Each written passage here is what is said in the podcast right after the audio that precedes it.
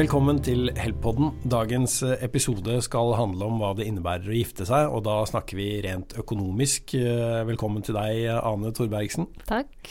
En av våre mest erfarne advokater når det gjelder skifte, skifteoppgjør, økonomisk oppgjør etter samlivsbrudd, enten man er gift eller samboer.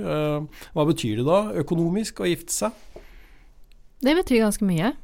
For når man gifter seg, idet man får denne ringen på fingeren, så er man også forbundet økonomisk.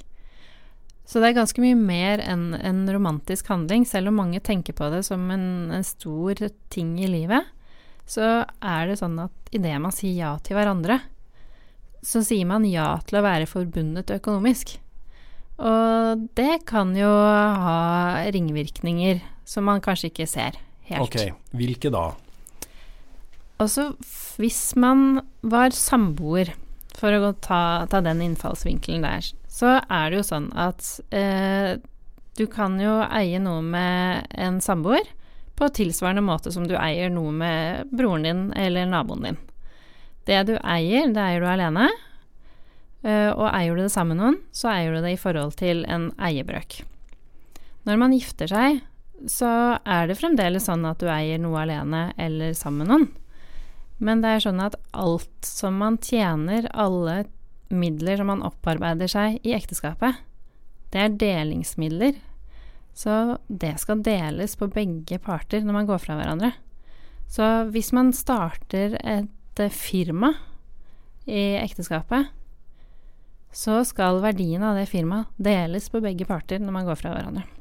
Et enklere eksempel, da, kanskje altså min lønnskonto. Det tenker jeg jo da Der kommer min inntekt inn, eh, og den eh, tilhører meg. Er det ikke da sånn?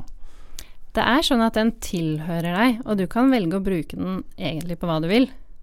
Eh, og bruke den opp om du vil. Men om du sparer den, så skal den deles på begge to. Og noen ekteskap er jo litt sånn at det er en som er veldig flink å bruke, og en som er veldig flink å spare. Og når den tid kanskje kommer at man skal gjøre opp det boet, så er det sånn at den som har brukt opp alt, skal ha halvparten av det som er oppspart av den andre. Den kan være litt sånn vond å svelge for den som har brukt mye tid på å spare. Er det mange som uh, får sjokk når de oppdager at det er sånn? Ja, det er det, altså. Det er mange som uh, syns det er fryktelig urettferdig. Det er mange som tenker at uh, sine midler er deres midler, og det skal beholdes alene. Og da må man faktisk skrive ektepakt. Mm. Eh, er det store forskjeller eh, i det praktiske sånn når det I forhold til å være gift og samboer. Jeg tenker på sånn i en felles økonomi. Det har jo mange, enten de er gifte eller eh, samboere.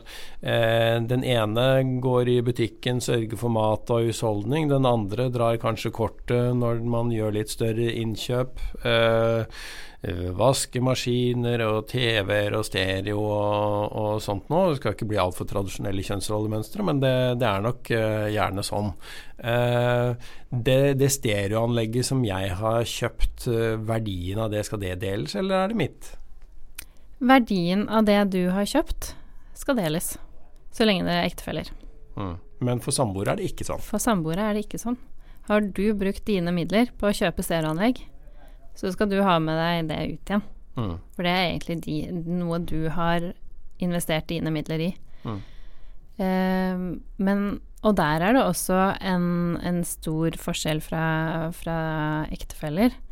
At dersom den ene bruker veldig mye av sine midler på å kjøpe stereoanlegg eller uh, lysestaker, pynteputer, klær til barna, mat på bordet, og den andre bruker pengene sine til å betale all gjeld, eller eh, store oppussingskostnader, eller utvidelser av boliger, sånn, altså, som er rene investeringsprosjekter, så kan den som har brukt pengene på store, store investeringsprosjekter, faktisk komme med et pengekrav mot den andre. Men det betyr da, Ane, at den ektefellen som har vært hjemme og hatt omsorg for eh, barna, er bedre stilt enn samboeren som har gjort akkurat det samme når samlivet tar slutt? Ja, Eh, det kan egentlig være godt oppsummert. For altså Ekteskapsloven, den beskytter den ektefellen som er hjemme, i større grad enn samboere som er hjemme med felles barn. Mm. Og det er her eh, samboeravtalen kommer inn i bildet. Da. Hvordan kan eh, samboere sikre seg? For det er jo sånn i veldig mange tilfeller. Den ene er ute og jobber, den andre er hjemme og passer eh, barn. Hvordan sikrer man at den som er hjemme da har eh, økonomiske ben å stå på hvis noe skulle skje? Og da må man jo tenke hva er det som kan skje? Man kan tenke skal man gå fra hverandre? Det må hensyntas.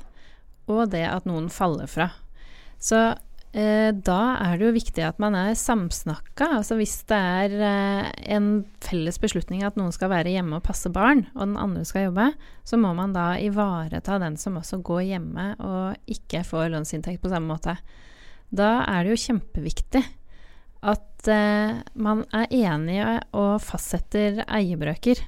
At man eh, sånn sett, hvis noe går galt, så går man ut av et forhold med verdier som da er skapt i fellesskap, fordi den som da er hjemme, har jo vært med på å skape de verdiene ved, fordi den andre har vært ute. Eh, og dersom man ikke har den avtalen i bunn, så kunne det faktisk vært eh, litt trøblete. Mm. Eh, det betyr da at man gjennom en samboeravtale kan på en måte utligne de økonomiske ulempene for den som ikke er i jobb, da. Ja, men eh, det er jo i realiteten det. Altså Er man enig om at en som skal gå hjemme, så kan man likevel si at ja, den ene går hjemme, jeg har ikke nødvendigvis en lønnskonto som jeg kan bruke masse penger på. Da er det kanskje rimelig at den andre på en måte betaler litt inn til den andre. Samtidig som man sier at den betalingen som gjøres på lån og avdrag, og det som kjøpes av biler og andre verdier, at det eies likt. Mm. Men uh, for de som er gifta, er ikke dette noe tema? Det er da man er sikret gjennom uh, ekteskapet. Da, da, er på en måte den som er hjemme og har omsorg for barna, den er tilstrekkelig sikret? Altså Til en viss grad er man jo sikra, i den forstand at alle verdier som er skapt i fellesskap, altså ved at den ene har jobbet og den andre ikke har jobbet, det skal deles hvis man går fra hverandre. Men så har man jo den konsekvensen eh, som eh, det å leve har, nemlig det at man blir litt gammel til slutt og ikke jobber. Og ikke kan få inntekt. Og hvis man aldri har hatt noe særlig inntekt å snakke om, så vil man jo straks se minstepensjonisten eh, i speilet. Da er det en tanke at eh, om man blir enige om at det er en som skal gå hjemme i store, store eh, mange år, da, av arbeidslivet, så kunne det kanskje vært en idé at den som jobber, også kjøper en pensjonsavtale for den andre. At den sparer pensjon til den andre for uh, den pensjonstida som kommer for alle en eller annen gang. Mm. Eh, det var oppklarende. Eh, av ren nysgjerrighet. Eh, jeg vil tro at ganske mange har felles kontoer som de betaler regninger fra. Eh, hvis vi snakker eh, samboere. Det at den ene betaler inn mer, gjerne fordi vedkommende tjener mer, til den felles kontoen, er det et argument for at man også skal eie mer av det man anskaffer seg? Hvis man ikke har avtalt noe på forhånd, så kan det ende med at det er der man står når man går fra hverandre. At den ene sier at 'jeg har betalt så fryktelig mye mer enn deg, at da skal jeg eie forholdsmessig mer'. Og da ser man eh, problemet. Da står man og mener to forskjellige ting om eh, verdiene, om hvordan det skal deles. Og da er det jo kanskje greit at man er litt føre var på den, og sier at uh, vi er enige om at den og den skal betale ganske mye mer inn på felleskontoen uten at det skal ha betydning for delingen mellom oss senere. Da hadde man ikke kommet til det problemet i det hele tatt. Tenk litt på det, du som ikke har samboeravtale. Det, det, må jo være den beste reklamen for samboeravtale man kan få. Um, eh, til slutt, uh, Ane. Når det blir konflikt, uh, har du noe inntrykk av hvor de blir størst? Er det blant uh, tidligere samboer eller blant tidligere ektefeller?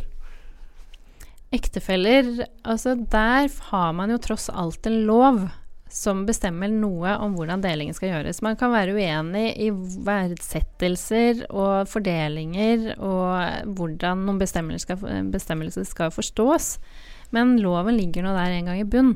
Samboeravtaler Altså, vi har jo ikke noe samboerlov. Uh, det er uh, Det oppgjøret styres etter det som man het, kaller den alminnelige formuesretten, og den er skapt i rettspraksis. Så det er klart, der er det mye mer rom for problemer og konflikter. Mm. Og jo mer av de problemene og konflikten man kan eh, avklare på forhånd før det er en konflikt, jo mindre sannsynlig er det at man kommer i konflikt. Men at det er større kime til konflikt i samboeroppgjørene, det tror jeg vi kan være enige om. Mm. Uh, vi trenger ikke gå i detalj på det, men uh, bare uh, måten man beregner gjeldsansvar og så videre for samboere i et samboeroppgjør. Altså, det er ikke entydige regler for noe om hvordan et skifteoppgjør etter et brudd mellom samboere skal foregå. ikke sant? Nei, det er ingen regler. Altså det, det, man har av regler, er hva Høyesterett har bestemt at skal gjelde akkurat nå. Men Høyesterett kan jo også endre på det de har sagt før. Så dette er jo regelverk som egentlig hele tiden er i utvikling. Eh, det betyr jo også at eh, jo mer man bestemmer for en selv, jo bedre forutberegnelighet har en for en selv. Eh, for hva som kommer til å være på en måte samboer regler om 50 år, det kan man jo ikke si med sikkerhet i dag. Takk skal du ha, Ane. Og hvis uh, du har spørsmål om uh, hvordan uh, samboeravtalen eller ektepakten skal utformes, så er det bare å ta kontakt med advokat. Det kan vise seg å være et godt råd. Tusen takk for at du hørte på Help-podden.